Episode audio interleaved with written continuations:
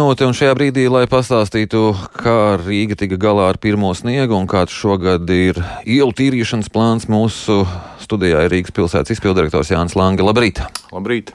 Bet vispirms sākšu ar bēgļu jautājumu. Pirms mirkli lūk dzirdējām, ka turpinās Krievijas triecieni pa civilo infrastruktūru Ukrainā.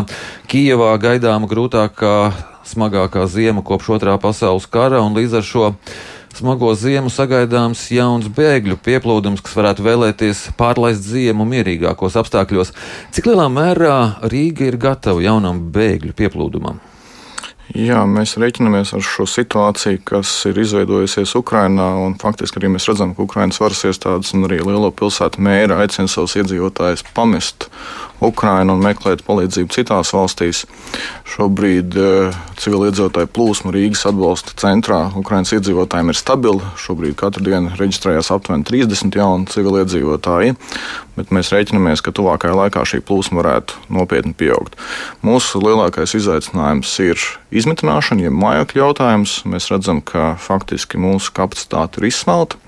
Un, ja šī plūsma palielināsies, nu, tad visticamāk mums būs jāsauc civilās aizsardzības komisijas sēde, kurā jādomā par citām telpām, kas ir pašvaldības rīcībā, vai tās ir skolas, sporta zāles vai, vai, vai kādas citas telpas, kur nepieciešamības gadījumā, ja šī plūsma būtiski palielināsies, tad izmitināt Ukraiņas civiliedzīvotājus. Tad kādi ir šie rīcības varianti? Sporta telpas, vēl kaut kas? Jā, pašvaldībai ir civilās aizsardzības plāns, kur ir paredzēta tātad situācija, ja ierodas liels civiliedzīvotāju skaits, vai tie ir bēgļi vai nāk no citām pilsētām, kur izmitināt, un faktiski tās ir pašvaldības iestādes, tās ir skolas, tās ir uh, sporta zāles, tās ir citas iestādes, kur mēs varam izmitināt. Mm. Pabalsti, vēl kas nepieciešams? Jā, attiecībā par sniegto atbalstu, ko valsts sniedz un pašvaldības sniedz, mēs gaidām skaidru rīcības plānu no valsts. Mēs zinām, ka iekšlietu ministrija strādā pie sistēmas, kāda būs šī, kā, kā šis jautājums tiks kārtots pēc šī gada 31. decembra, bet Rīga no savas puses, protams, sniegs atbalstu Ukraiņas civiliedzīvotājiem tik ilgi, cik tas būs nepieciešams. Mhm. Bet eh, šeit eh, ir vajadzīgs kaut kāds eh, varbūt kopējs arī ar valdību šis skatījums? Noteikti, jā, noteikti. Mēs redzam, ka iekšlietu ministrija pie šī jautājuma strādā, un mēs ceram, ka šis lēmums šogad tiks pieņemts par to, kāda būs sistēma pēc 31. decembra, jo šobrīd regulējums ir spēkā līdz gada beigām. Bet tie cilvēki jau varētu nākt arī parādīties decembrī? Protams, protams mēs ar to rēķinamies. Un tad būs jādarbojās pēc. Protams, mēs pēc fakta arī darbosimies, jo, kā jau teicu, galvenais jautājums šobrīd ir izmitināšana. Uh -huh. uh, par ziemu. Uh, pirmais sniegs ir uh, bijis. Uh, cik sekmīgi tās ielas ir tīrītas? Centrs, kā noprotams, bijis tīrīts, kas ar nomalēm, Es domāju, ka jārēķinās ar to, ka ir ziema. Laika prognozes par to, ka sniks bija zināma, un no pašvaldības puses dienesti bija gatavi. Pirmdien strādāja nepilnas 100 tehnikas vienības, ja precīzi runājam, 99 tehnikas vienības, 2 trešdaļas, jeb 67 strādāja uz brauktuvēm, 32 tehnikas vienības strādāja uz ietvēm. Kopumā jāsaka, sniegs gan nebija tik daudz, gan arī mūsu dienas tika galā. -hmm.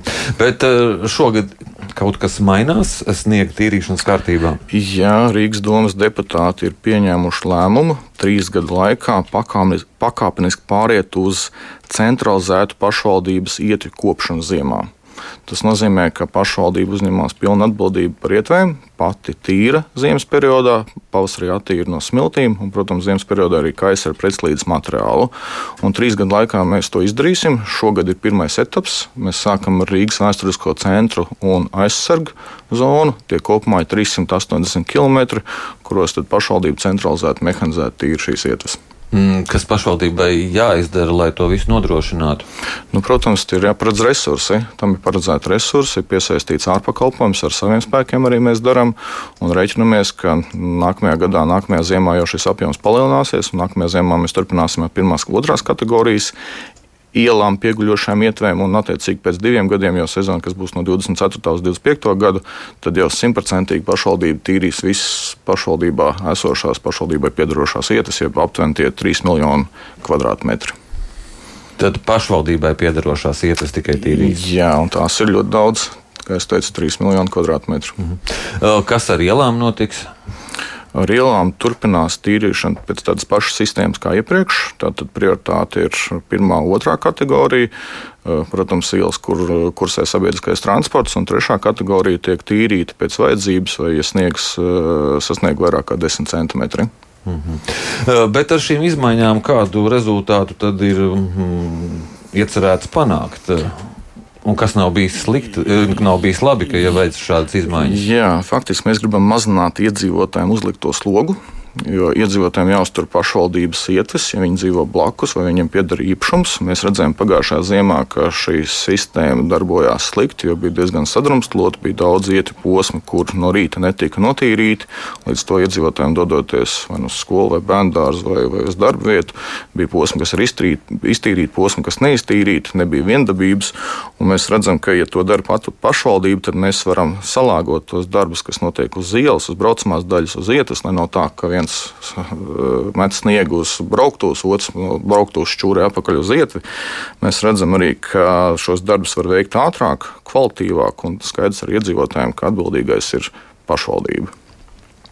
Jā, vēl viens uh, temats, vēl viens jautājums. Uh, sociālās palīdzības uh, meklētāju to skaits Rīgā palielinās, samazinās? Kāda ir tā situācija? Mēs redzam, ka palielinās. Faktiski aptuveni par 60% palielinājies pabalstu prasītāju skaits, kas ir dabiski. Mēs redzam arī, ka arī energoresursu pabalsti mums ir, ņemot vērā jauno sistēmu saistībā ar daļu kompensāciju, mums ir vairāk kā 10 000 pieteikumi.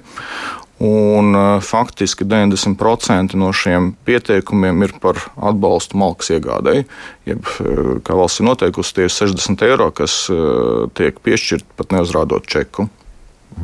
Tad šis ir tas, kā jūs sacījāt, dabiskais pieaugums.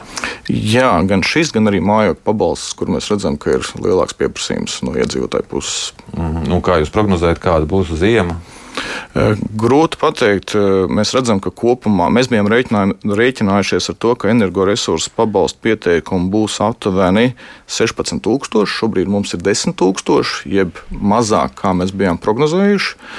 Eh, redzēsim, varbūt tās tas, ka oktobris bija salīdzinoši maigs un rēķini nebija lieli. Varbūt tās tas ir nedaudz, nedaudz nomierinājis, bet nu, jārēķinās novembris atkal ir vēss un, un pieņemam, ka iespējams, ka pieaugs atkal šis skaits. Es teikšu jums paldies par šo sarunu. Atgādinu, ka mūsu studijā bija Rīgas pilsētas izpildirektors Jānis Lange. Paldies! Paldies!